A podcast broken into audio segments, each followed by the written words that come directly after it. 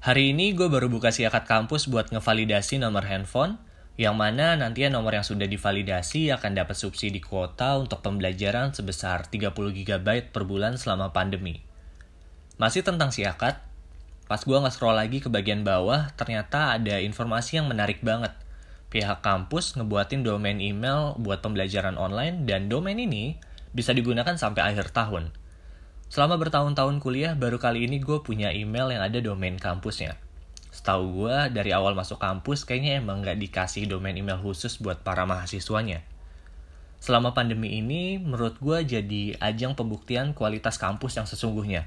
Di mana para dosen mau nggak mau harus lebih aware dengan penggunaan teknologi untuk pembelajaran jarak jauh. Dan begitu pun juga untuk para mahasiswanya Terkadang kita harus dihadapkan dengan suatu keadaan yang mendesak agar bisa ngebuat kita keluar dari zona nyaman dan buat perubahan. Thank you, gue Zakir Wandi.